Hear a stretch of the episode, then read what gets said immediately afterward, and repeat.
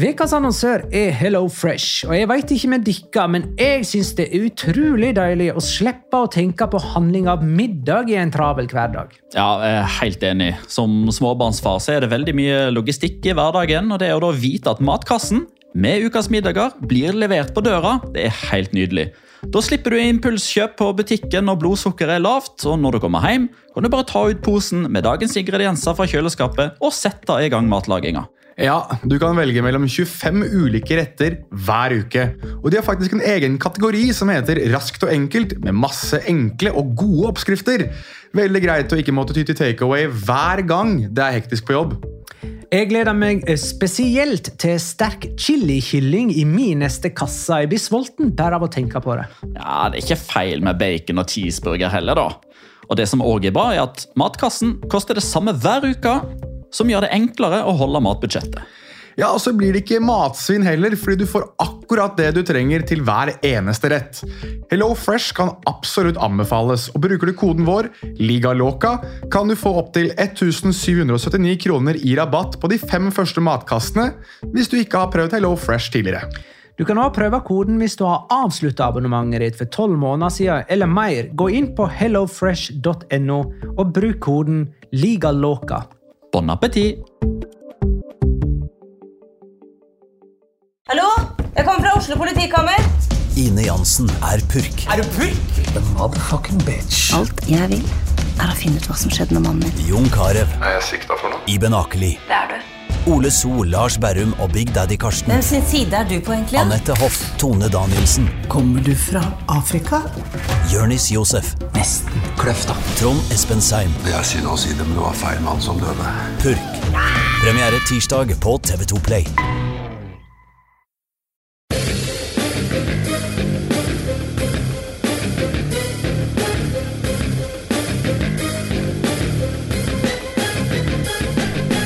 Har du sett? Det er ikke bare sol og varme i Spania. Denne helga regna det kattunger i Barcelona. Det snøa hunder i Getafe, og det hagla tenner i Madrid. Vi erfarte dessuten at Zidane ikke finner riktig smøremiddel, at Piquet virkelig hater espanjol, og at Valencia er like tannløse som Diego Godin. La liga loca. En litt gærnere fotball. Hei, kjære lytter. Takk for at du blir med på en ny episode av La Liga Låka med meg, Magnar Kvalvik. Hei. Og deg, Jonas Giæver. Hei. Halla, sjef. Hvordan går det med tannverka, tannverken din? Nei, altså, jeg eh, har jo ekstrem sympati for, eh, for Diego Godin. At han liker tre trenere, og jeg liker eh, to på litt over en uke, blir det vel, cirka. Så nei, min tannverk går veldig bra akkurat nå. Nå har jeg da en halvveis lam tunge, men ellers er det greit. Går det bra? Ja jeg, Kan du bite deg i tunga uten at du merker det? Ja. Det er ikke bra. Nei, det er det ikke. Men uh, Kan du hovne opp Uh, Det vet jeg ikke. uten at du vet det? Det, Kan du ingen- svelle den uten at du merker det? det håper jeg da virkelig ikke. Jeg har jo følelse i mesteparten av den, da. Men uh, på høyresiden Altså, jeg tok visdomstenner på høyresiden i munnen min. Og nå er uh, høyresiden av tunga mi, en stor del av høyresiden, er eh, helt lam. Så jeg føler ingenting på høyresiden. Men venstre side er jo de beste sida, så det gjør vel ikke så mye. ja, vi får si det sånn. Jeg er en venstre mann, får vi si. I tillegg til meg og Jonas, så er du her eh, i studio, Petter. Hei. Hei. Bjørn E. Rudshagen spør banna Veland på TV i går? Eh, det kan jeg bekrefte og beklage. Eh, også, men hvis du bare gir meg et lite sekund eh, Jeg må informere mine Twitter-følgere om at Atletico Madrid har forlenget kontrakten med Sime Versalco. Ja, Det er en uh, nyhet. Det må ut. Vi venter med. Nei, men dere snakker, snakker mens dere. Jeg har bekrefta og beklaga. Ja, men, så kan eh, dere hudflette meg for at jeg gjorde det. men for all del, altså det, det, det er enkelte ganger altså Basketballspilleren Isaiah Thomas sa en gang i tiden at det er enkelte ting som skjer som du egentlig ikke kan beskrive med noe annet enn banneord. Ja. Og, og um, den, vi skal jo sikkert snakke mer om Diego Godin i løpet av episoden. Ja, da, det var, da, det var da Petter banna. Ja. Det var da Neto, keeper til Valencia, eh, klinte til Diego Godin Ja. eh, så tennene spruta ut av trynet på han. Vi kan eh, godt eh, begynne med den kampen, Atletico Valencia. Det var jo på mange måter hovedkampen. I tillegg eh, så skal vi for øvrig snakke om Español Barcelona. Levante Real Madrid. Real Madrid avga poeng nok en gang. Og så går vi gjennom de øvrige kampene i runden, der f.eks. Real Sociedad sto for et høydepunkt. Eibar gjorde det samme med kalaseier mot Sevilla. Og så må vi vel ta litt Locora, selv om jeg har en mistanke om at alle lander på det samme. Vi skal iallfall tippe helt til slutt. Mhm. Atletico Valencia 1-0. Angel Correa med ei eh, perle. Eh, langskuddet kom i andre omgang. Utover det så skjedde ikke det sånn kjempemye. Eller i alle fall, jeg syns Valencia virka slitne. Ja, jeg synes de virker um, Uten no pun intended, men de virker litt tannløse. Uh, de virker ikke som de helt får det til offensivt. Det var vel Vi fant vel ut at denne kampen her på One Metropolitano og kall det returoppgjøret på Mestalla er de eneste to kampene denne sesongen i ligaen der Valencia ikke har registrert et eneste skudd på mål. Og det er jo både honnør til, til Atletico Madrid og deres uh, soliditet de- defensivt, men samtidig også en slags Ja, vi må komme en rettende pekefinger mot Marcelino og hans mannskap som ikke klarer å, å skape noe som helst av farlighet framover i banen. Det er jo det er grunn til å bli litt bekymret hvis du er Valencia-supporter når de ikke klarer å skape noe som helst. Og så har de jo i det siste nå da møtt uh, Real Madrid, Ja.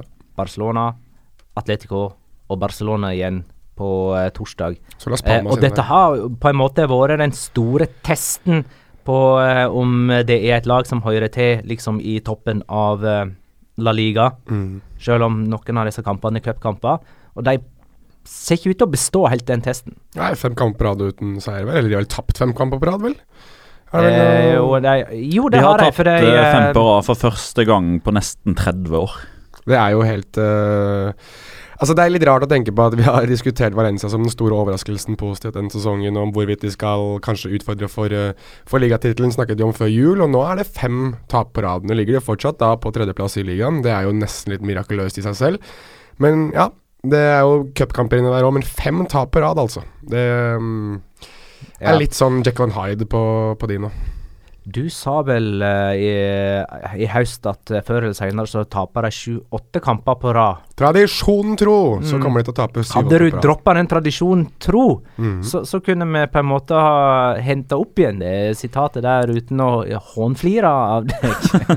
Ja, det er godt. Det er enkelt å hånflire av meg uansett, så det er helt greit, det. de sliter med skader, et uh, tøft kampprogram og eh, ja, i altså, både i den forstand at kampene kommer tett, og at det er vanskelige motstandere. Så tøffe tider for uh, Valencia, men uh, klarer de den fjerdeplassen, så uh, er det jo på en måte mission accomplished.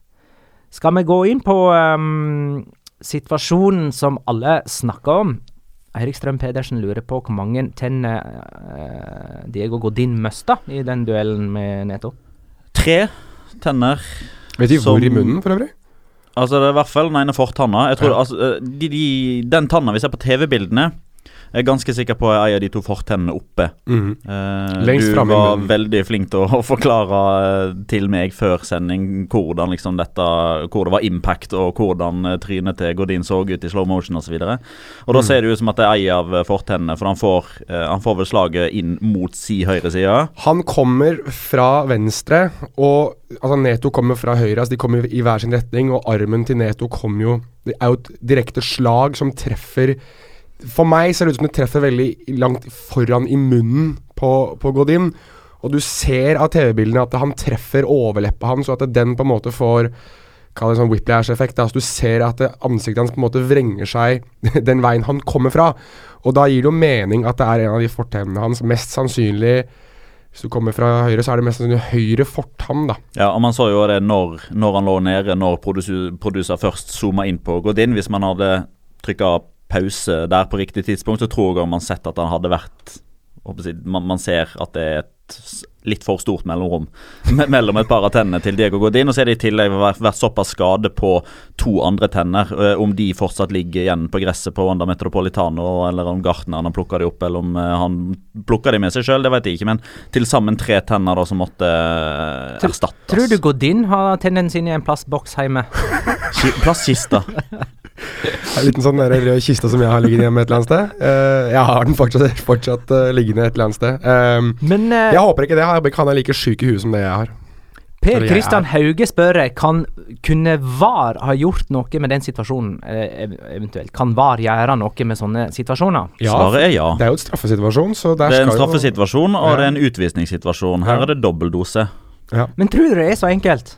At, dommeren bare ikke så denne situasjonen og lot det dermed passere for at han Ja, men fant en- ingenting en- å dømme på? Enten så har han ikke sett det, eller så gjør han en, grave, en stor avgjørende feil. Hadde ikke Ja, du en diskusjon, Jo, jeg hadde det. eh, Jeg ble utfordra av Svein Erik Edvardsen på Twitter. Eh, han lurte på hva, slags fasit jeg satt på. Ja. uh, og jeg sa straffe og rødt kort. Og da begynte han å utfordre meg på hva, hva skulle man begrunne det røde kortet i. Ja. Uh, og da må man jo henvise til et reglement, ikke sant? Til dommerbok og sånne ting. som jeg- ja, eh, som jeg ikke har nødvendigvis for hånd. Men han eh, Audun Hallén Berge hjalp meg litt med det, og sendte meg bilde av eh, regelverket. Og der er det sånn med eh, definisjon av vurderings Vurdering av dommere skal ta utover det å gi frispark eller straffe. Sant? Hvorvidt spillere skal straffes. Så er det sånn som med uforsiktighet, det å vise manglende aktsomhet og den slags, eh, det gir ikke nødvendigvis eh, ytterligere sanksjoner. Hvem- eh, Disiplinære aksjoner. Mm. Og så er det dette med hensynsløshet, eh, som eh, Der man gjennomfører en handling som man burde ha forstått eh, medfører fare for en motstander. Det gir advarsel, altså gullkort. Og så er det unødig mye kraft. Det er sånn som medfører utvisning. Og jeg tenker, det, eh, det her er jo kamp om ballen. Eh, og kan man kalle det unødig mye kraft? Det uh, Neto kommer inn med, han prøver jo å bokse ballen, og det å bokse er faktisk et redskap keeperne har. Og Eh, veldig ofte med kraft da, for å få ballen langt unna. Ja, ja, og kan man da si at det er unødig mye? Eh, for det er jo ikke hans Jeg syns ikke det er kraften i seg sjøl som er det store problemet. der. Det store problemet der er jo at han kommer ut og forsøker å bokse ballen bort, bomme på ballen og bokse Diego Godin i trynet, så Diego Godin mister tre tenner. Det er, det er jo farefullt spill. Det er jo, det. Altså, det, er jo, det er jo en voldsom handling. Det er vel det som man til syvende og sist må lande på her. Altså Fotballspillere har blitt utvist for høye spark osv., det er ingen som mener det. Og det er jo redskap, og det er jo redskapet til en utespiller er jo, er jo beina og føttene. Jo, men ta den Mané, da, eh, mot City da han ble utvist. Han Ja. har jo foten altfor høyt oppe. Ja. Det er jo eh, vettasløs måte å angripe en ball på. Ja. Eh, men det er ikke det for en keeper som skal ut og bokse i feltet. Ja, men det er vel, Og det er en, vel en kraften utespiller kan i alle fall ikke gå opp i en duell med knyttneve, for da går han jo inn for et regelbrudd i utgangspunktet, for han har jo ikke lov til å ta ballen med hendene. Det er, ikke- men er det ikke Men- regelbrudd å slå til en annen spiller, da? Er det ikke Det er det jeg prøver å Jo. finne i regelboka, Ja, og mitt skjønner. poeng her nå er at Ja. jeg- finner ikke det gode eh, formulerte reglene, og derfor ble satt ut av Svein Ja. Erik Edvardsen på Twitter. her. Men svarte han ikke Men- på det sjøl da, etter hvert? han, han sier til slutt at dette er rødt kort for voldsom uh, oppførsel, eller det man kan altså violent conduct på engelsk, Ja. som på en måte får en snillere formulering på norsk. Slag Men- blir det mest sannsynlig. Men eh, Audun uh, sendte et nytt bilde senere, Ja, som viste en annen del av reglementet, og det er alvorlig brudd på spillereglene. Eh, og Da kan jeg jo lese litt her. da. En spiller som takler eller angriper en motspiller på en slik måte at uh, denne motstanderen da sin sikkerhet settes i fare. Og det gjør det her. Uh, og så er det liksom komma, bruker overdreven kraft eller er brutal eller skyldig alvorlig brudd på spilleregler. Og det skjer her. Ja, da, da blir det mer rom for tolkning. Ja. Hva er alvorlig brudd på spilleregler og sånne ting. Og så eh, i neste avsnitt, en spiller som kaster seg inn, går inn i, altså skråstrek, går inn i, angriper en motspiller med ett eller flere bein for å nå ballen, enten det er forfra fra siden eller bakfra, med overdreven kraft osv. Mm. Ser du det? I, I reglementet så står det aldri noe ting om keepere og knyttnever. Men da har vi Det jo funnet står bare ting om utespillere. Men da har vi jo funnet svaret da på hvorfor keepere er fritatt fra å Ikke bli straffa for det sånne står ikke noe om det Nei, i reglementet. det helt tullete. Det Altså, jeg- finnes, det fins ikke noen sånn ekstra paragraf for keepere. Nei. Nei. Nei, men det, er, det, det blir jo det Det at- er fritt fram.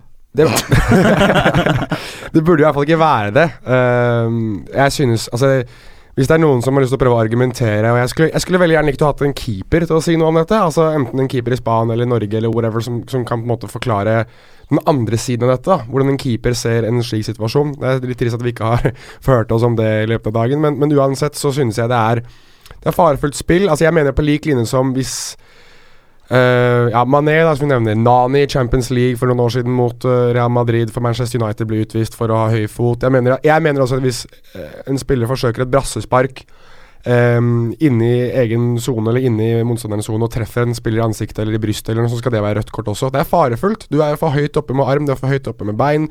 Det er en aggressiv handling. Um, på lik linje som det har vært hvis det var en albue fra en midtstopper i ansiktet på en uh, angrepsspiller. Altså Det er utvisning. Utvisning og straffespark det er ikke noe mer å snakke om. egentlig Men jeg tror, jeg tror alle tre her er enige om at uh, i den norske formuleringen av reglementet, så er dette alvorlig brudd på spilleregler. Helt enig. Helt enig, ja. Og, uh, men jeg er fortsatt usikker på om video assistant referee hadde landa på rødt kort. Ja, usikker på rødt, men i hvert fall straffe, da. Ja det burde i alle fall ha vært tilfellet. Det er klart at for en, eh, en videodommer som sitter og ser bildene i sakte film, for han nå vil det gjøre sterke inntrykk å se de tennene flyge rundt omkring.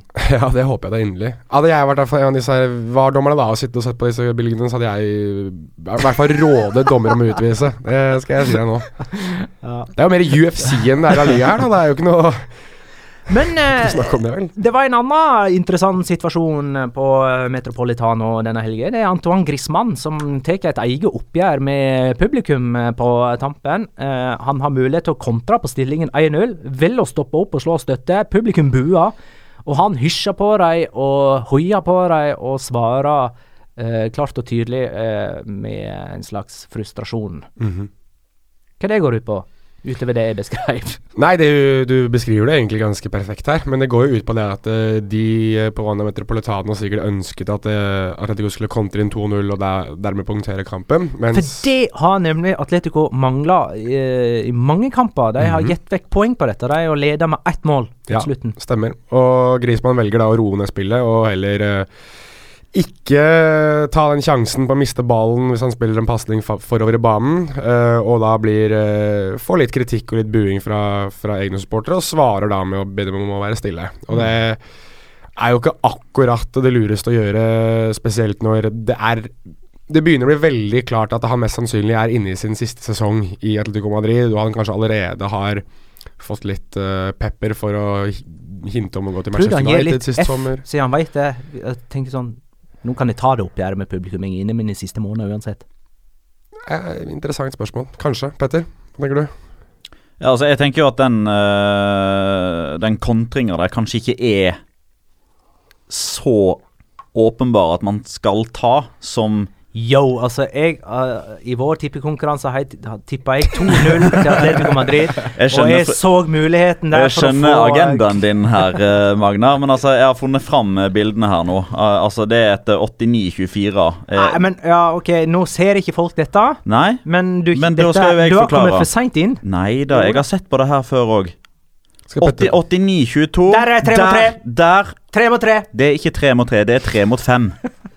Det er tre mot fem.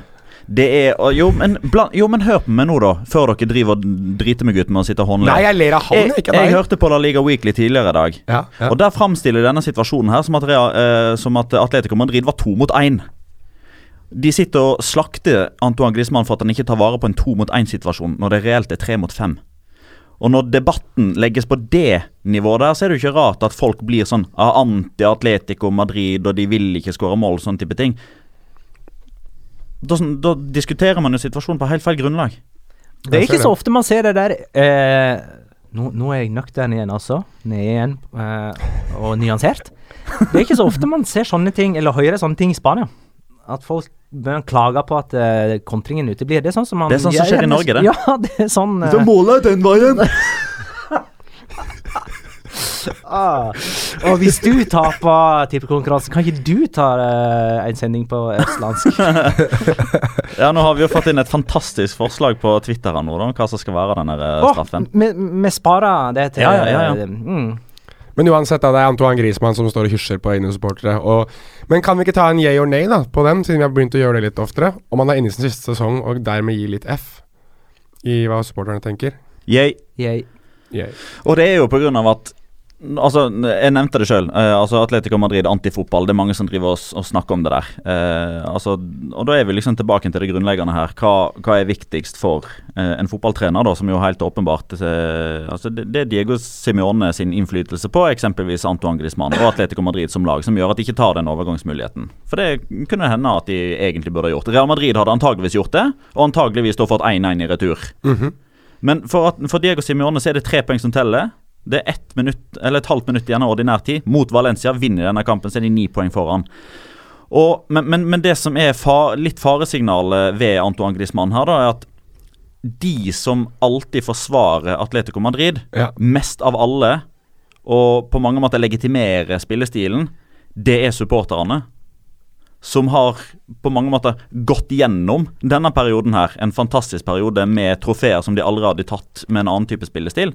Det kunne de bare glemt. Men når de får da en sjelden gang ytre sin mening negativt mm. Så på første, første anledning så begynner Antoine Griezmann å ta til motmæle. Det er farlig, for man skal ikke gå inn Altså, kunden har alltid rett. Mm. Atletico Madrid-supporterne, når de går på kamp, kan sidestilles med kunder som betaler inngangsbillett, som går dit for, for å bli underholdt, eller i det minste ta tre poeng. De får tre poeng, det blir åpenbart ikke underholdt nok, og det gir de beskjed om. Og Griezmann svarer på den måten der. Det syns jeg ikke noe om. Nei, enig. Men tre poeng til um, Atletico Madrid.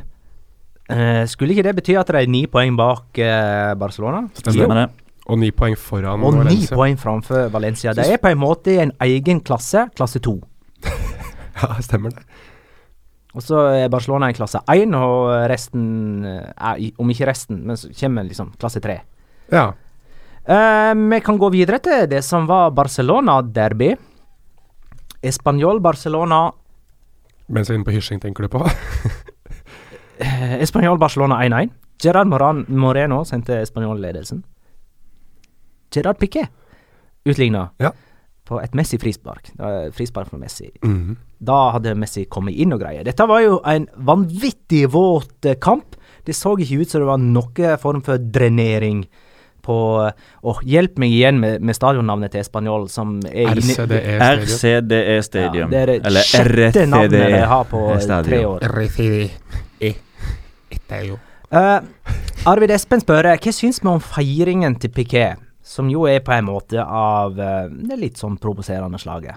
Unødvendig, vel. Han øh, Han er jo Altså, nå har han vært imot uh, sentralstyret i Madrid, eller i hvert fall for katalansk uh, selvstendighet nå hele denne sesongen her, eller i hvert fall antydet til det, da, har vært veldig pro Barcelona og pro Catalonia, og nå hysjer han da på rivalen i Catalonia, og var vel også ute etterpå Snakket om at han kaller dem for Español de Cornea. Altså, Men sa ikke han det før kampen til og med? det var det før kampen han sa det? Han sa det, han sa det etter cupkampen. Etter cupkampen var det, ja. Og at det ikke var nok eh, At det ikke var katalaner i lag og ja, eh, eh, Basically veldig kritisk til Español, da. Og jeg synes det er han, han har så mange agendaer og så mange mennesker han nå har kommet i uværet med, at jeg, jeg skjønner ikke helt hva han vil. Um, det er greit at han er pro Catalonia og pro selvstyre osv., men er det, er det her de han har lyst til å krangle mot, liksom? Er det jeg, jeg, jeg har vanskeligheter med å forstå verden, ifølge Gerard Piquet.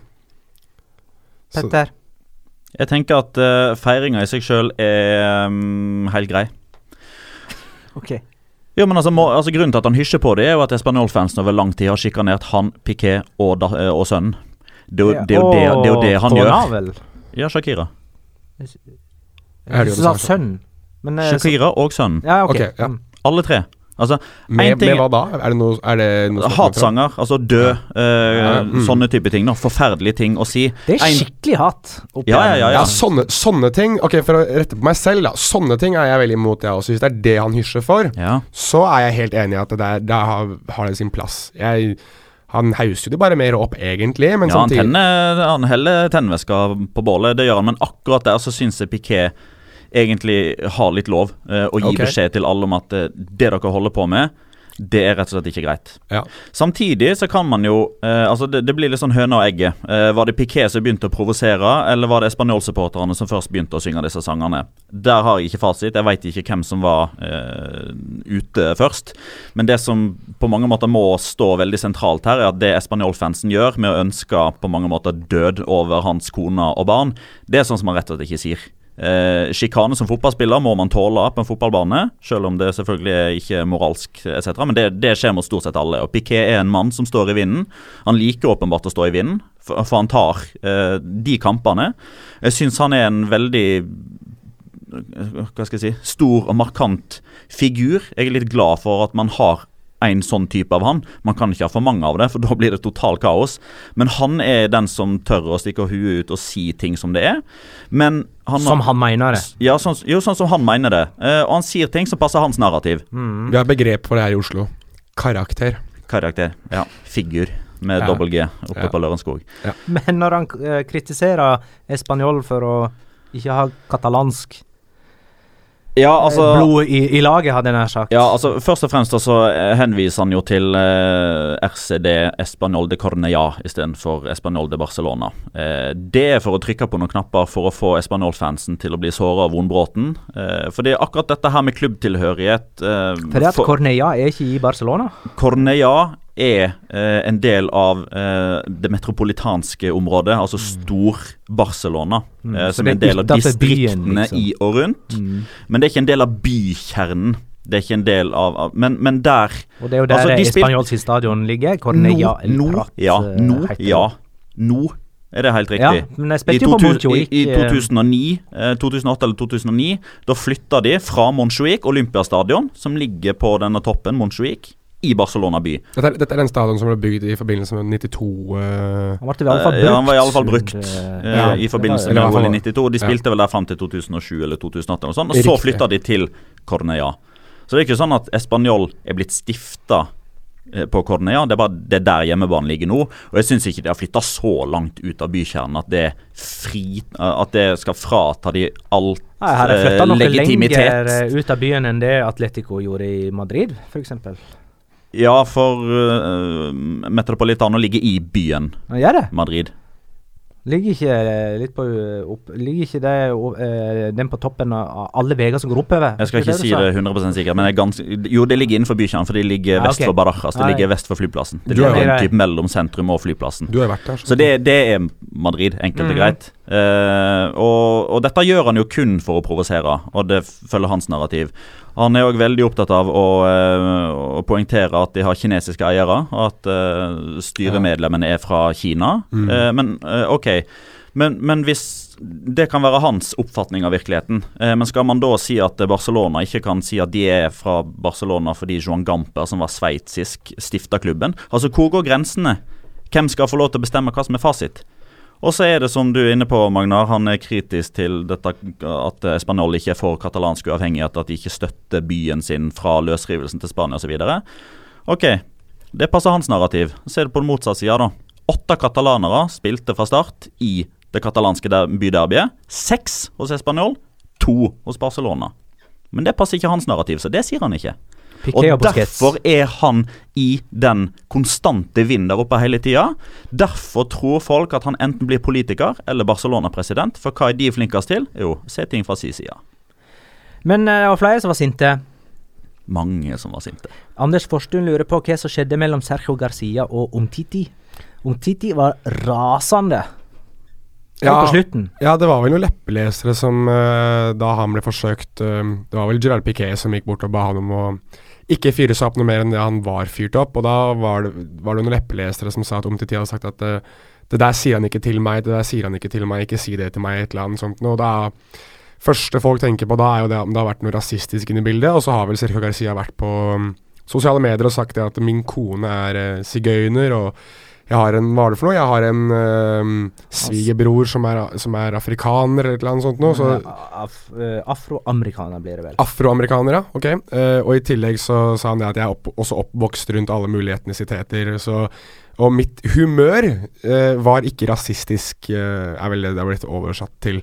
Så mm, jeg, antar at han da mener at han ikke har sagt noe som helst rasistisk. Så jeg lurer på hva Omtiti har blitt så sint for, men eh, han var i hvert fall, fyrte seg i hvert fall vanvittig opp. Um, og ja, jeg håper bare at vi slipper en sånn ny Jago Aspas, uh, Jonathan Lerma Ja, Men det kommer ikke til å bli noe sak. Verken Barcelona eller Omtiti kommer til å, Nei, jeg ba, men jeg til håper å lage noe styr ut av det. Og vi skal um, Husk hva som kommer i kveld. Altså El Dia Despoes uh, Jo, men altså det, Sergio Garcia og Omtiti har snakka Ja, det sa de De snakka etter, etter kampen i går. De har snakka sammen i dag. Eh, Sergio Garcia har kommet med sin versjon. Omtiti har ikke kommet offentlig med sin versjon, men fortalt sine lagkamerater, og det er noen TV-bilder der.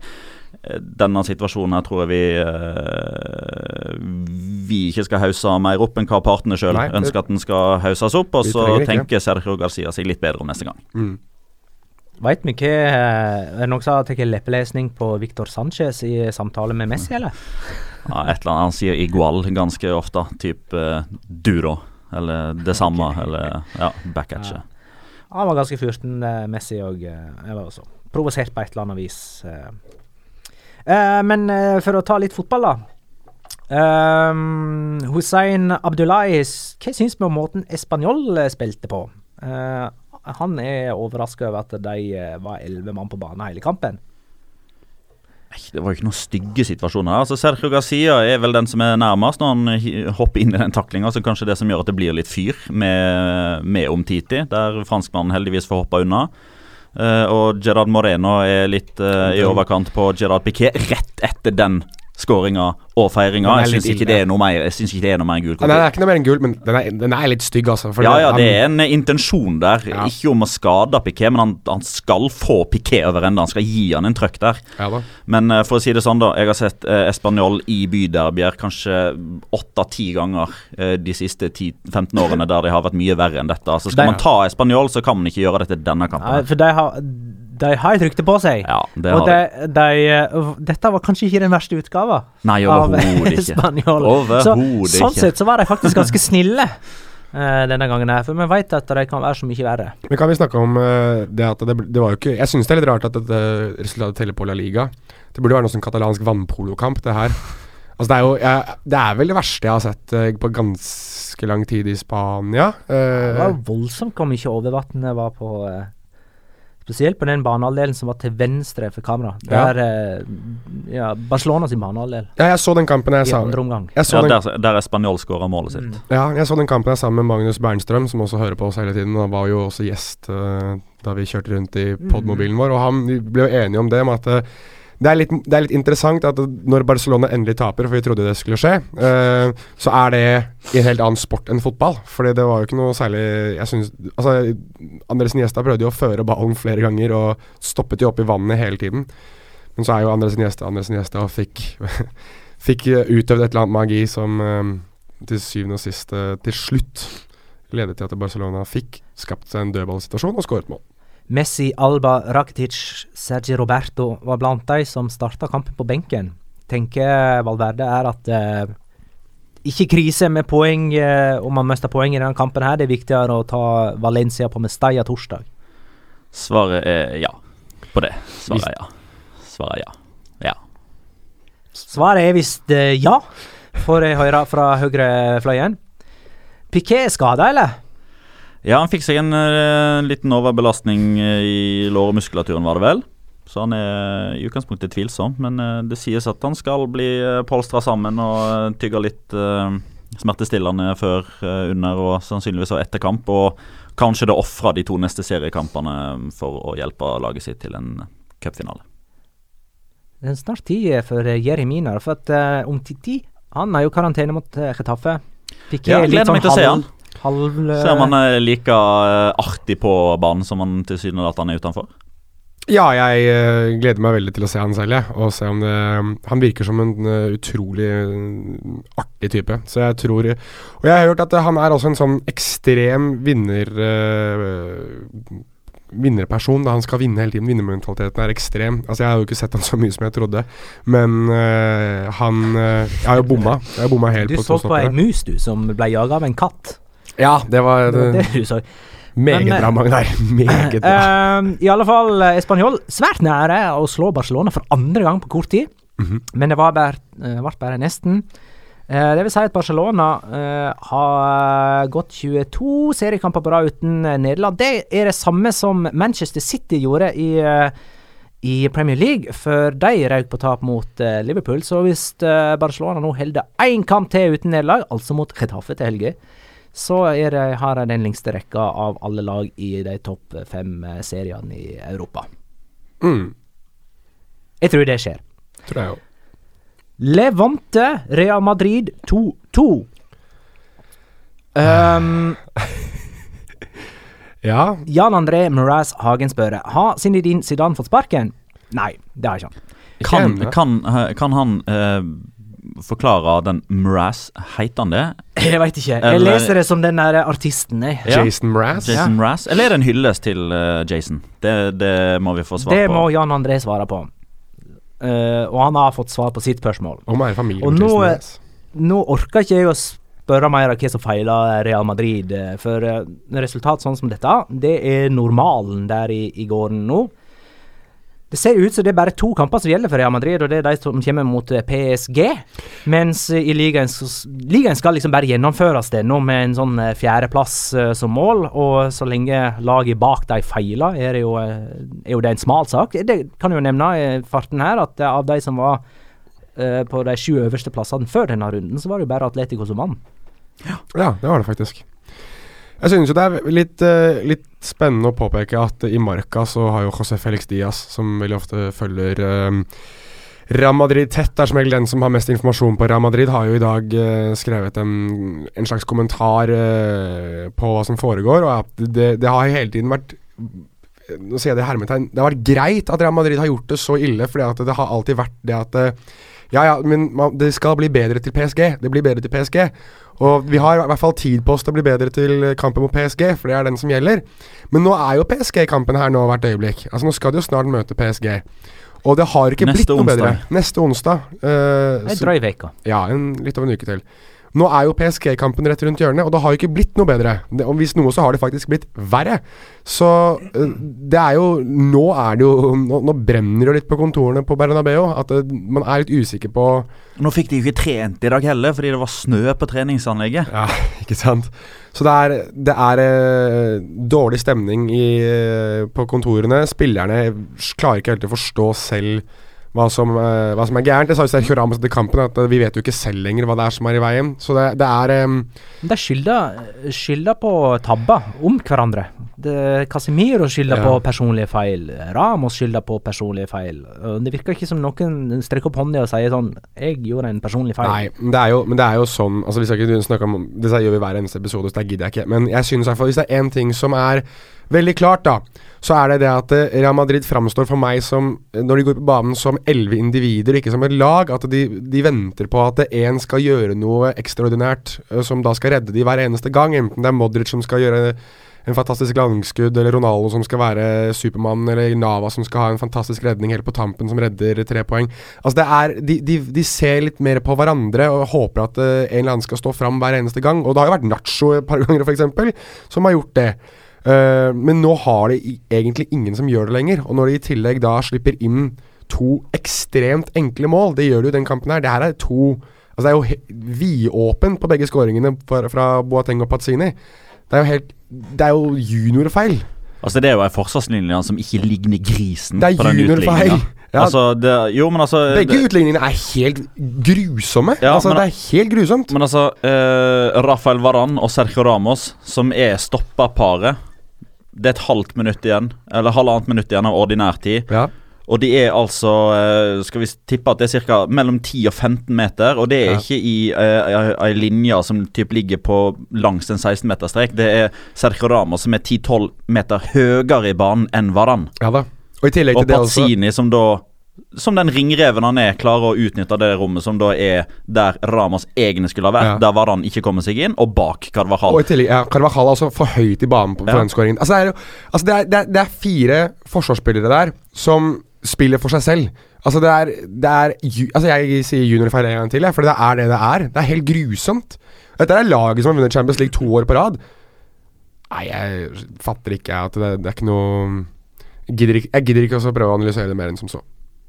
Hei, eh, vi, vi har snakka om Antoine Griezmann, som var i clinch med sitt eget publikum. Han gjorde jo det hysj-tegnet. Ja. Mens Piquet gjorde det hysj-tegnet til Español-fansen da han eh, skåra. Ja. Og tror ikke du Cristiano Ronaldo gjorde et hysj-tegn òg, da? Det var etter at han var bytta ut. Og lot seg irritere av at han ble filma mens han satte seg på benken. Ja, han bar vel eh, på mange måter eh, kameramannen om å fokus fokusere på det som skjedde På banen. skjedde på banen. Så, men eh, det er greit. Vi skal på mange måter vi, vi vi skal ikke begynne å disse Cristiano Ronaldo for at han ikke vet hvordan en TV-produksjon TV-produksjon fungerer. Så vi får la den eh, Jeg, gå. jeg kan forstå han litt òg, hvor irriterende det er å ha det kameraet oppi trynet når du går skuffa av uh, banen etter nok en kamp uten skåring. scoring. Jo, men du kan ikke be den Nei, nei. kameramannen der om å ha fokus på det som skjer på banen, når den kameramannen er på jobb for å filme det som skjer på de to benkene. Det er litt moro, han har skåra i fem av 21 seriekamper for Real Madrid. Det er litt gøy da å tenke på. Han har spilt 17, altså, men likevel. Jo da, men det er litt gøy å tenke på at for en, for en knapp uke siden så ville han ha et kamera i ansiktet når han skulle se på, se på skaden i ansiktet sitt, og så Ja, da filmer han seg sjøl, ja. Ja. Så når han filmer seg selv, så er det greit, men når andre filmer han, så er det ikke moro lenger. I dag er han 33 år. Gratulerer med dagen. Feliz Mm. uh, Año holdt jeg på å si. Nei. Cumpleaños feliz. Jeg trodde liksom aldri fyren kunne bli uh, Det er godt nytt år. Det er jo et nytt år for han, da. Ja. Så Huff. Det er jo, men det er jo, i dag er jo, det er litt morsomt å påpeke. Uh, I dag er jo kanskje den mest celebre dagen i fotballverdenen. Neymar òg, vel? Og Carlos Tevez. Mhm. Så ah, ja. det er mange store fotballspillere som har bursdag samme dag. Neymar eh, blir 26. Og jeg så Ja. en sånn sammenligning eh, mellom eh, Altså hva Neymar har av statistikk eh, som 26-åring, og hva Messi hadde som 26-åring, og Cristiano Ronaldo som 26-åring. Og jeg tror Neymar har både spilt flere kamper og skåra flere mål, og har flere målgivende enn eh, de. Men nå husker jeg ikke det helt. Uh, jeg husker ikke det helt. Ja, men det kan jo, det kan jo stemme, det. Det har vært å påpeke da at I og med at han da har ganske høye tall fra Santos-tida. Ja, jeg skulle til å si at han har, nå er jo noe at utøvd i brasiliansk liga og fransk liga, uh, så jeg synes det er litt vanskelig å sammenligne. Men uh, Klart det. for all del, han er jo Men, han er på eh, vei til å bli nestskårende for Jeg Brasil, ville ikke ha holdt det imot han, for å si det sånn. Nei, Så nei, nei. 520 321, det er kamper mål. 470 og 213 på uh, Ronaldo. 460 348 på uh, Messi. Mm. Jeg måtte ta det så fort, for at det er en sånn tweet som driver og blinker. Tre gode fotballspillere. Ja. Uh, og eh, jeg si Messi og Neymar-statistikken er ganske lik. Messi sin er nok bedre. Det er han. Ja. Eh, men eh, gratulerer Levante, som har tatt poeng mot eh, Real Madrid i begge kamper. For første gang i historien. Begge seriekamper. Mm. Ja, det er jo vanskelig å ta poeng i cupkamper. Eh, for øvrig, hvis de ikke sa det Ramos sendte altså Real Madrid i ledelsen. Boateng utligna for Levante. Isco kom inn, sendte Real Madrid i ledelsen igjen. Og så kom Pazzini inn og skåra for Levante. Gian, Gianpaolo! Det er så gøy, altså. Han, at han, eh, det var vel, han var vel deadline day-signeringen til Levante på absolutt uh, Ja, han var en av eh, De skåra hat trick siste dagen. En tremann som kom inn der. Men Var ikke absolutt den siste av de tre? Var ikke det han? Nei, han var den første av de tre som ble uh, Og var han det? Ja, Ja, det da var var jeg, fikk jeg med meg han sist, da. Men uansett, det er um, utrolig moro å ha Altså Hvis det er én ting jeg, jeg på mange måter um, hyller eh, italiensk fotball og italienske fotballsupportere for, så er det det å klare å bygge opp rundt sine kulthelter. Altså At du alltid Du vet hvem de store figurene er i italiensk fotball. Det gjør man egentlig ganske mye i, i Spania òg, men jeg syns Italia er kanskje enda litt bedre på det. Og da er Gianpaolo Pazzini er en av de man har hørt om i ganske mange år nå, som en sånn ringrev, som en målskårer som ja, Hva gjør han? Han skårer mål. Ja, men hva mer? Hva mer trenger han å gjøre? Han skårer mål. Um, og jeg synes det er så gøy at vi har fått ham til til La Liga, og at han leverer med en gang, og at vi får se denne feiringa hans, den to fingre foran øynene. Det er jo en liten hyllest, eh, eller en liten sånn adda-badda til en annen kulthelt i italiensk fotball, nemlig Luca Toni, som uh, kjører den 'Har dere hørt meg?'-feiringa foran det ene øret sitt, mens Paolo Pazzini gjør 'Har dere sett meg?'-feiringa uh, med to fingre foran uh, øynene sine. Og det har jo også Levante har jo nå lagt ut en tweet hvor de har lagt ved to fingre og en sånn der stokk som du kan holde, så nå kan supporterne printe ut uh, de to fingrene til Pazzini, sette limene sammen og bruke det som sånn feiring neste gang de Kan ikke de bare bruke sine egne fingre? Jeg synes det, jeg òg, men jeg synes også det var litt moro at de har gjort det på den måten. Ok. Vi skal straks diskutere smått og stort fra den 22. serierunden, men aller først La Liga Loca finstuderer. Nordin Amrabat. Ja. Vi kan begynne liksom gjennomgangen av um, kampene fra runden med Chetaffe Leganes 0-0. Um, Nordin Amrabat kom inn, og vi så ham så vidt mellom alle snøfnugger. Ja, altså eh, Jeg har jo nesten gjort det til en liten vane å hylle han nå, og nå skal han faktisk få litt Nei, mer det, hyllest. det har du altså ikke gjort. Jeg har gjort det, jeg gjorde det en, to, det, gang, det er ikke hyllest å si OK, jeg skal innrømme at han hadde en bra pasning. For meg så er det en hyllest, men anyways. Jeg synes det er, litt, det er noe litt moro med fotballspillere mens det snør, som velger å spille korterma. Uh, og Nordin Amrabat er oppvokst i Nederland. Uh, der vet jeg ikke hvor mye snø det vanligvis er, men han er da marokkaner og spiller for det marokkanske landslaget. Og han var en av kun Jeg telte vel fire mann på banen som spilte i korterma. Du la jo mest merke til Norden Amrabat fordi han da er brei som ei låvedør i, sammen, sammenlignet med veldig mange av de andre. Spilte i korterma, gjorde ikke så mye ut av seg. Kom innpå kvarteret før slutt. Um, jeg syns det var litt, uh, litt fint at det var noen som tekstet meg på Facebook og sa at dette her var da Jonas Giæver-derbyet, fordi det var altså, José Bordalas ligner på meg, eh, og i tillegg så er det Loic Remy. Syns du? Ja, det var jo, det det var jo begri beskrivelsen jeg fikk, men det var eh, Loic Remy og, og Bordalas mot Nordin Amrabat. Ehm, Det så var, litt moro at Remy og eh, Amrabat spilte mot hverandre. Det var litt gøy. Ingen Det, gjorde må, noe. det måtte jo ende 0-0. Det må Ingenting skjedde, selvfølgelig. Men uh, Nei da, så eh, jeg satt og humret litt for meg selv det siste kvarteret, men gud hjelpe meg for en uh, dårlig og kjedelig fotballkamp det her var. Den første snøkampen eh, i La Liga på mm, ja, to-tre år. Osasona mener jeg var forrige gang. eh, Og det gir litt mening at det var Osasona. ja. Ja, for det ligger langt nord, og da sleit Barcelona med å komme seg til kampen. Det var sånn innstilte tog og sånne ting. Var ikke det pga. tåka? Var det? Jeg mener det var da Barcelona sleit fordi at de reiste alltid på kampdag. Uh, og når det var snø, så da stoppa Spania opp. Men uh, det kan godt hende jeg husker det feil. Det gjør England også, for øvrig. Vi, ja, det gjør kanskje det. Gjør det. Men da er vi ferdig med Getafe Leganes, som var en heller stusslig affære. Girona Athletic 2-0. Hei, Christian Stuani skåra to mål. Han er oppe i tolv Igjen? mål. Ja, han har en tendens til å skåre to mål på heimebane. Han har, skåra tolv mål, ti av de hjemme. Men han har iallfall tangert sin personlige skåringsrekord i en toppdivisjon. Med tolv skåringer, altså. Det hadde han òg for Español i 14-15-sesongen. Iniego Martinez debuterte for Atletic. Brassesparket egen- i Ja, ikke sant? Vi har jo egentlig ikke snakka om hvor, hvorvidt Atletic kom godt ut av handelen med Laporte til City, og det å liksom snappe Inigo Martinez fra Real Sociedad i samme slengen. Synes... Du sa det kanskje, du, eh, sist Ja. Nei, du, du, du var inne på det forrige gang. Og så lo vi av det. Ja, men det var fordi at eh, da snakker du om eh, Real Sociedad og hvor mange mål de slapp inn, og hvis Mhm. de òg skulle selge Martinez. Men uh, Atletic, da. De uh, kjøper jo en spiller for halvparten av prisen de selger Laporte. Mm. Ja, nei, jeg, jeg Det er jo en god spiller òg, men eh, det er jo ja. tap i første kamp, da. Ja, er, han er jo en venn av programmet, holdt jeg på å si. eh, Inigo Martinez. Ja, det er han jo. Så det er litt ambassadør? Han er jo, han er jo det! Han er jo vår venn.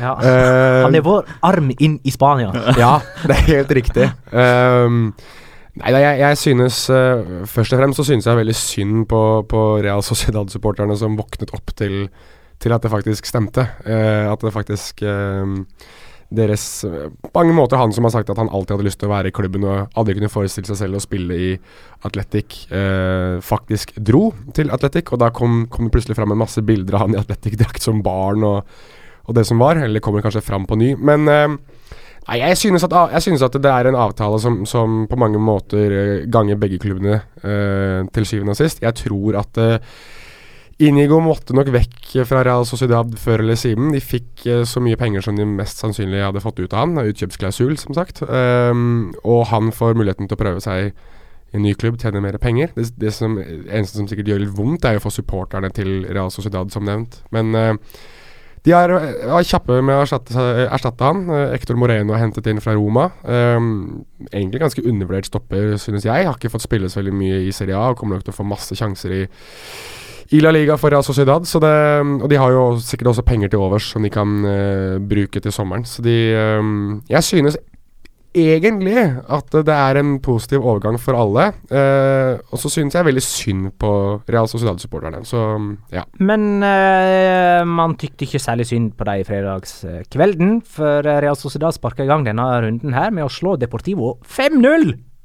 Jarmindi skåra to mål. Når sist gjorde han det, da, Petter? Omvendt, omvendt oppgjøret mot Deportivo. Ja, der ser du! Men Canales han skåra ett mål, og det var første gang på tre år. 75 kamper. Deilig med Canales, altså. Savna, hans uh, briljanse. Det var selvfølgelig William José som uh, sendte Real Sociedad i ledelsen. Syvende gang at han setter 1-0. Kan jeg, Men jeg eh, Frisparket til Jaramendi er jo helt fabelaktig, selv om keeper kan kritiseres. Ja. Men eh, eh, skåringen til Aritz Elustondo er likevel kanskje min favoritt for måten han tar ned den ballen på i, eh, innenfor fem meter. så ble han så glad når han scora òg. Men han er jo fin, da. Og så fikk han en ny kontrakt dagen etterpå. Mm. Uno de los nuestros. Der har du det. Var det det de skrev? Ja. Ja, det var overskrifta. Men, En av oss. En av våre. men eh, Deportivo la Coruña uh, ble med dette det andre laget som sparka sin andre trener denne sesongen. De har nå sparka Pepe Mel og Cristobal Paralo. Hvordan blir det? Paralo? Paralo. Paralo. Det er jo Altså, men kom igjen, da. Og så går vi bare videre til neste kamp. Ja, Men Kan jeg få si én ting om Real Sociedad? Ja, ok. Jeg vil bare få sagt datoen. Eh, 16.12.2017.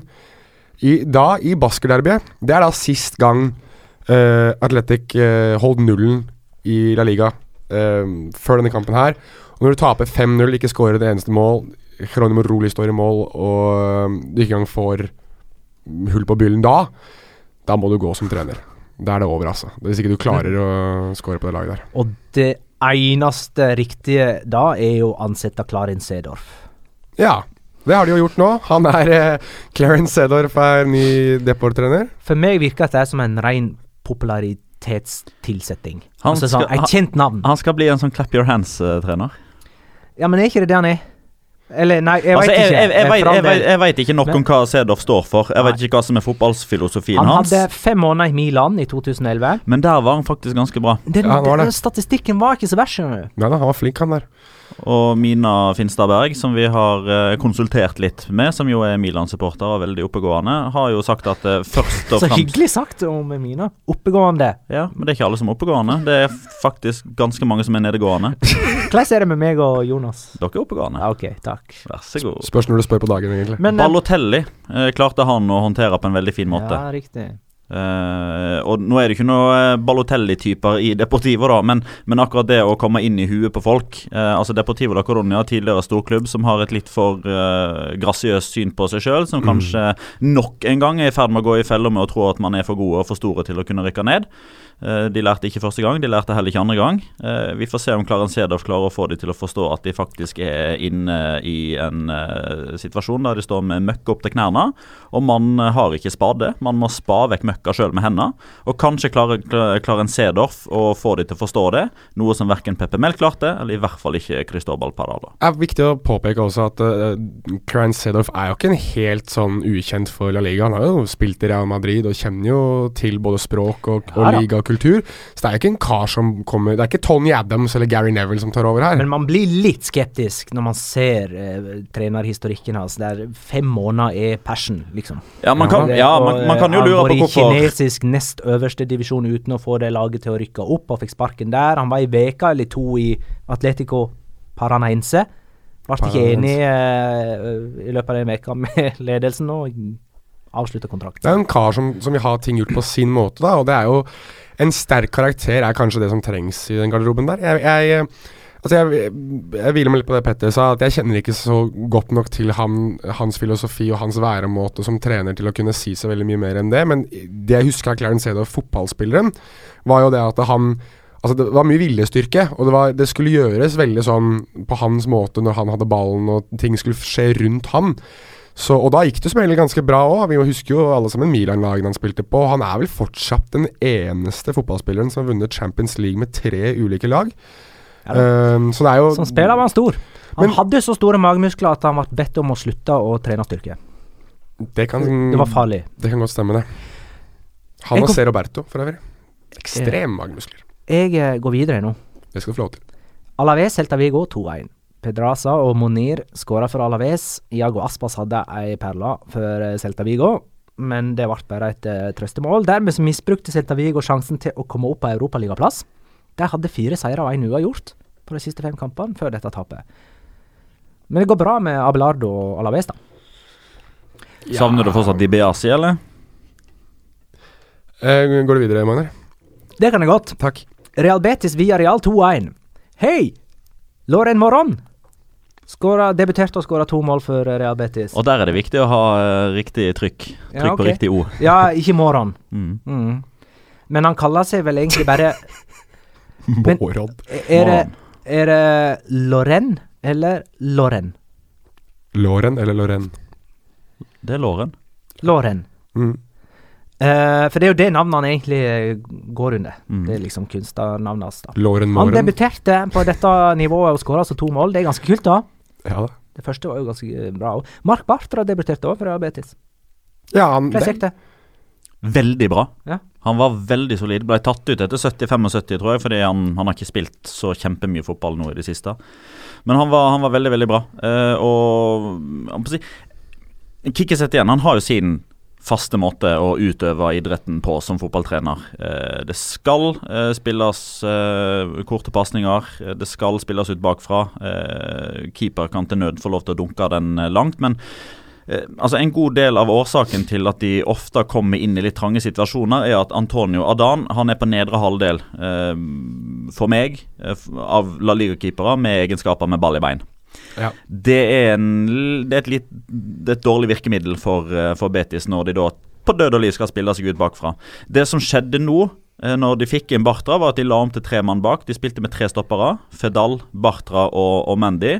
Bartra gikk som regel ned et lite hakk i frispillingsfasen, som gjorde at i stedet for å spille ballen tilbake til Adan, så gikk ballen til Bartra. Ja.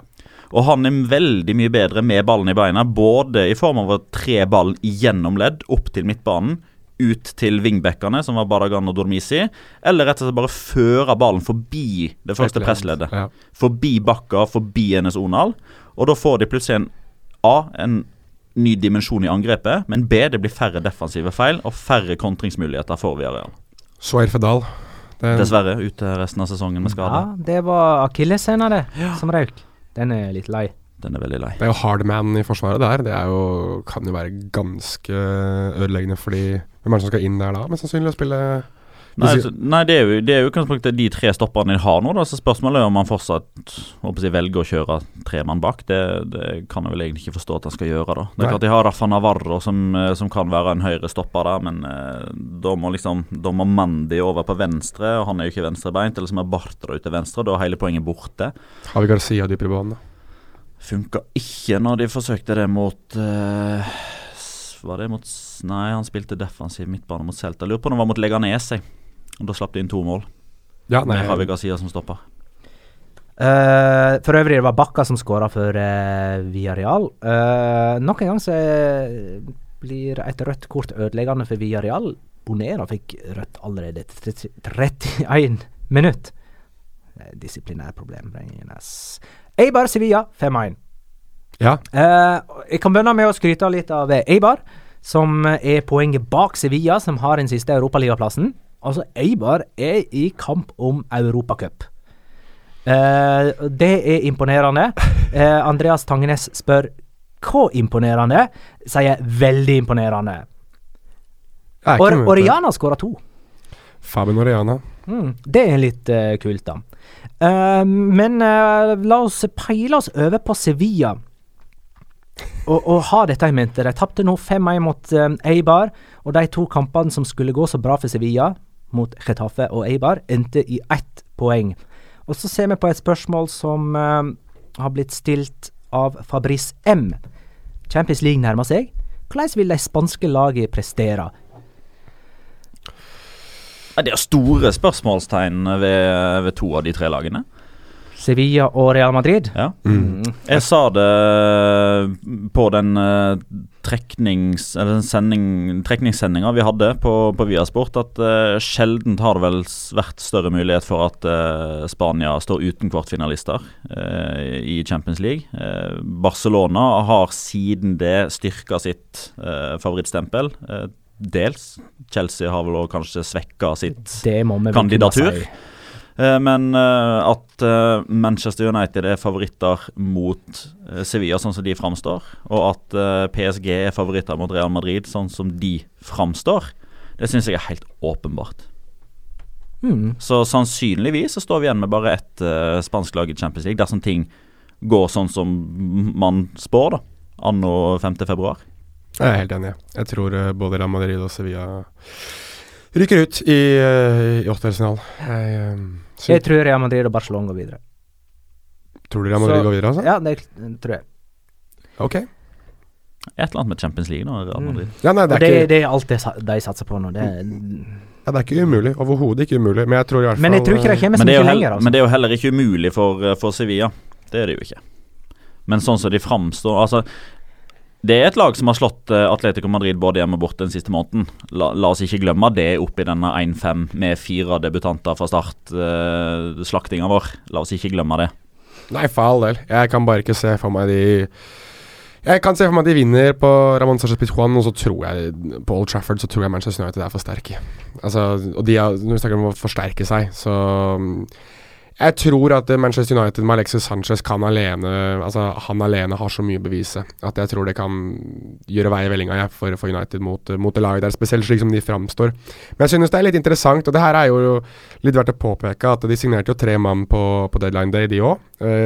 og alle tre starta i kampen mot, uh, Eibar. mot Eibar. ja. Roque Eh, Mesa, Miguel Ayon, Takashi Inui. Nei, Takashi Inoui. Spiller ja, Han spiller jo for. Eibar. Sandro. Sandro Nå, Ramirez. han debut... deb- ja, Hvordan har jeg klart å blande dem? Sandro, hva du lurer kalt han? Sandro Ramires. Sandro Ramires, selvsagt. Skriver det inn her, jeg. Jeg er veldig spent på hvordan du fikk Takashi Inoui. Nei, inn i la oss på den, linja eh, over, skjønner du. Han er, han er en av de bedre spillerne til Eibar, så jeg skal ikke se bort fra at han spiller i Sevilla på et tidspunkt, men ehm, han eh, Jeg syns bare at det var litt, var litt Men- interessant at, de, at han kjørte alle tre. Og det, vi har jo spekulert i det tidligere, at da han kjørte alle de nyinnkjøpte samtidig uh, sist gang, så gikk det jo også åt skogen. Så at han bestemte seg for å gjøre det, det samme en gang til nå, det er jo litt sånn Ja vel, ok. Ukens La Liga Locura. Locura. Locura. La Liga Locura. Ja, Jonas hadde nettopp et forslag om at vi kanskje skulle ta ei tann hver. For Diego Godin. Jeg kan ta den første tanna til Godin. Det er min uh, locora denne veka. Tar du den andre, eller? Uh, ja, jeg har den, men jeg har også en annen en. Ja, kom igjen. Uh, Det er jeg, bra. Jeg synes jo um, jeg, jeg synes dette med Gianpaolo Pazzini er utrolig moro. Jeg gjør virkelig det. Og at uh, man på en måte får en kulthelt som gjør, uh, gjør så mye med en gang i sin første kamp i La Liga, og som uh, blir en figur og blir en person som man kommer til å følge med nå framover, faktisk. Det, det syns jeg er moro. Men når han scorer mot Real Madrid, så er Giampardo Pazzini er vel fortsatt hva er det han er for noe? 34? Eh, 33. 33. Han blir eh, 34. Han er, han er, eh, hvis du mener han er gammel, så er Cristiano Ronaldo det òg. Han er det. Eh, han, er, han er i hvert fall ikke like god fysisk eh, fatning, tror jeg, som Cristiano Ronaldo er, men hvem er vel det? Uansett, han skårer da målet og feirer eh, som italienerne gjerne gjør. Masse glede og masse entusiasme og lidenskap.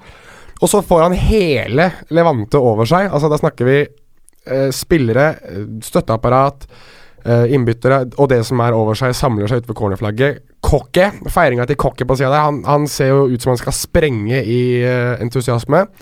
Og etter dette så ser du at uh, Pazzini kommer seg opp. Han liksom uh, ser litt sånn forfjamst ut, sikkert veldig glad og sikkert veldig um, sliten av å ha så mange karer oppå seg. Og da skal José Luis Morales uh, gjøre det som veldig mange litt aggressive dørvakter gjør på ulike utesteder i Oslo. Tar tak i han rundt nakken og står og rister løs i han. Han ser ikke ut som han helt vet om han skal være glad eller redd eller hva som er. Og det hele ender jo med da at Levante tar et poeng, og at Gianpaolo Pazzini nå er eh, muligens den største kulthelten Levante har. Så en litt sånn artig, men samtidig skummel eh, locora. Petter, Ja Det var eh, en eh, merkverdig situasjon, egentlig. Eh, Men vi skal òg 20 år tilbake i tid. Oh, ja, vi var Ja, innom mhm. eh, Låren tidligere i dag. Han er jo sønn eh, av en tidligere fotballspiller eh, som heter Lorenzo Moron Vizcaino. Han spilte for Salamanca i 1998, eh, når han da skåra sitt første mål for Salamanca. Hvem sto på motsatt banehalvdel da? Jo, Dmitrij Cherishev. Og så skrur vi altså da tida fram til 3.2.2018, og da er det sønnen Lorenzo Jesus Moron Garcia som skårer sitt første mål for Betis. Hvem står på motsatt banehalvdel? Denis Cherishev. Far og sønn. Far og sønn. Far og sønn der, altså. Ja, det er en fin historie. Artig. OK. um, bare sånn at det er nevnt. Thomas L. syns at vi skal snakke mer om Segunda. Uh, fordi at det er jo tett som hagl der. Og det var òg et ganske kult uh, Astorias derby Mm. i helga. Alexander Jonsson var der. Ja, det Sidlow var. Ja, han er jo uh, Real Oviedo-fan. Stemmer det. Eh, og det var altså mot Sporting Gijon. Stemmer.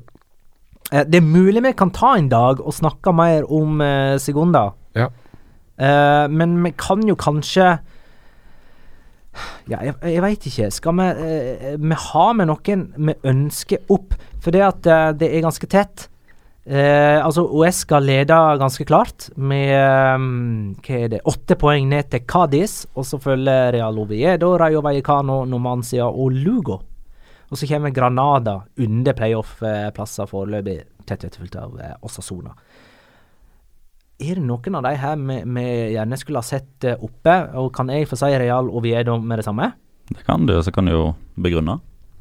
Det ser jo ganske festlig ut på deres kamper. Er Carlos stor- eh, Tartiere er en veldig, veldig fin stadion.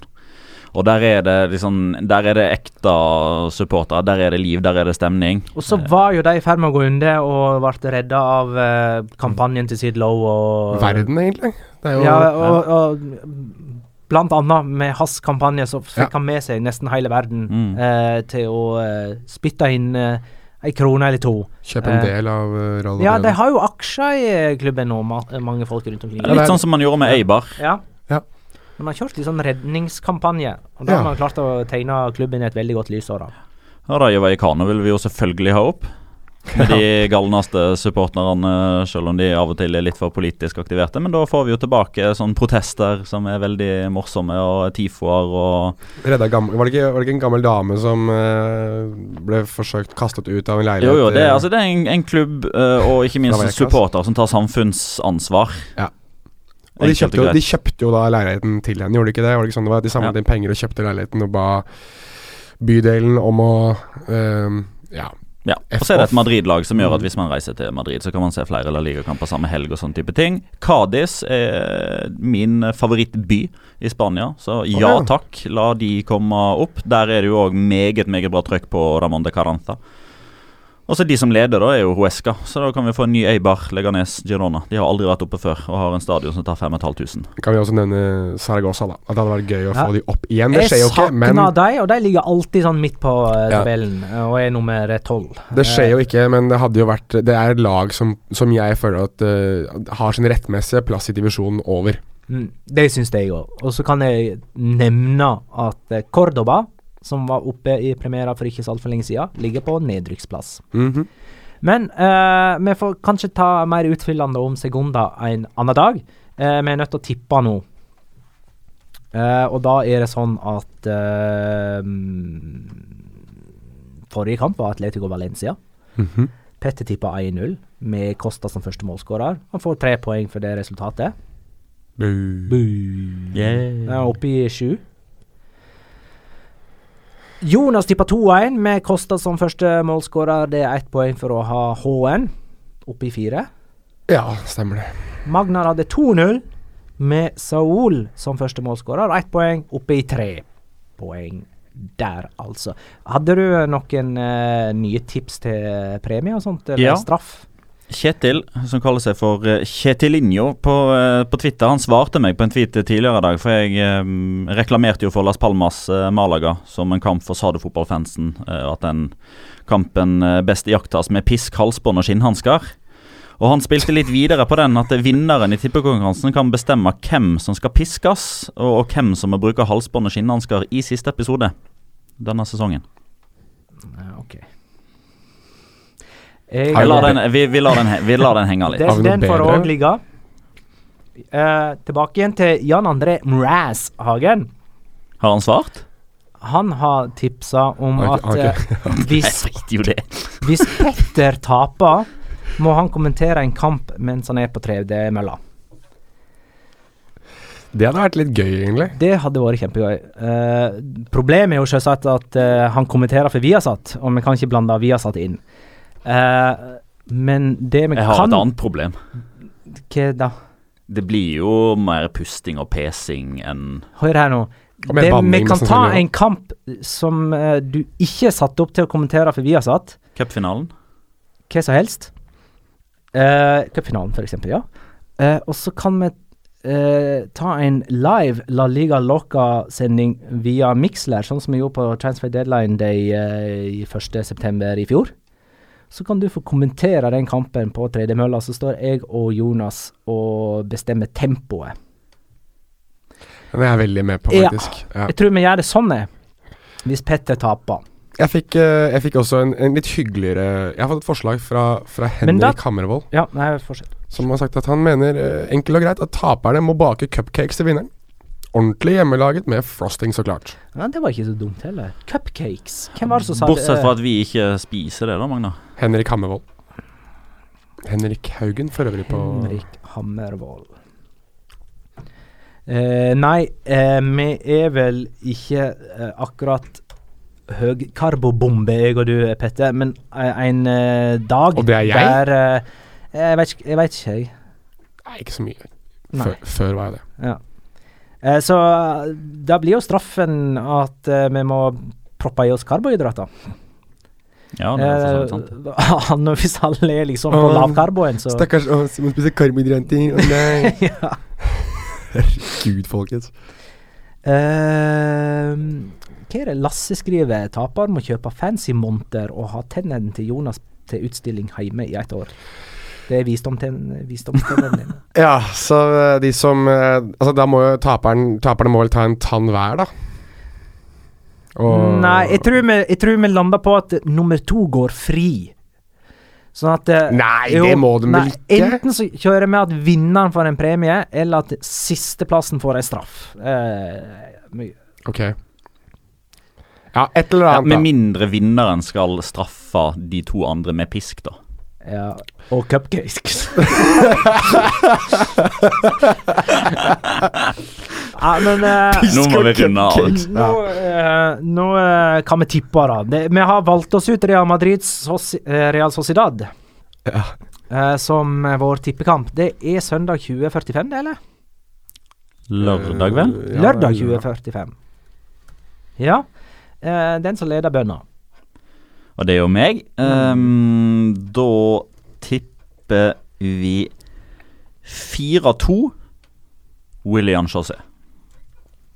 Går for chausséen sin. Han går alltid for uh, under, at dog, underdogen skal skåre først. Nesten.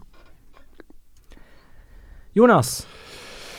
Um, du, du, du, det her ble faktisk litt vanskelig. 2-2. Um, Um, første målskårer um, Å, oh, herregud, da. Uh, ja, William José. Hjelp. Jeg sier 3-2 og Gareth Bale. Så jeg er den eneste som ikke tror at Real Madrid vinner, altså? Ja. Uh, og jeg er den eneste som ikke tror at William José skårer det første målet. Alle tror at Real Sociedad skårer to. Ja, ja, men det blir interessant, det. Det blir interessant. ja, det burde det i hvert fall bli. Ikke glem det, kjære folk, at uh, det er Copa del Rey denne veka. Onsdag spiller Sevilla Leganes på Ramón Sánchez Pijuan. Mye vart i første kamp. 1-1. Uh, ja. 1-1. Stemmer. Og dagen etter så spiller Valencia Barcelona på Mestalla. Der leder Barcelona 1-0. Skal vi runde av der? Jeg takker alle som har sendt oss eh, spørsmål. Og tips til konkurranse, straff, skråstrek, premie. Jeg tror egentlig det eneste vi mangler nå, er en straff eh, til Jonas, eh, hvis han skulle tape. For det virker som å ha på plass hva jeg skal straffes med, og hva eh, Petter skal straffes med. Med Han- mindre vi går for den cupcakes-greia. Han, han skal, tat, han skal tatovere bilde av Amrabat med krigselefant over. For jeg har ikke nok med at jeg må kjøpe drakt og det som er, eller? Men kjør de greiene nå. Do ja, your ja, thing. ja, stemmer. Uh, for alle som hører på, følg oss på Twitter at La Liga Loca Pod. Vi er på Facebook at La Liga Loca Pod. Gå gjerne inn i iTunes, legg igjen en vurdering og en liten rating. Uh, skriv hvorfor du liker oss eller ikke liker oss. Gå gjerne inn på creativemidfielder.co.uk. Skroll helt ned, finn La Liga Loca. Der har vi fire T-skjorter. Kjøp én, kjøp alle, og vis gjerne fram. Det tror jeg var alt. Tusen takk for at du lytta, kjære lytter. Ha det, da.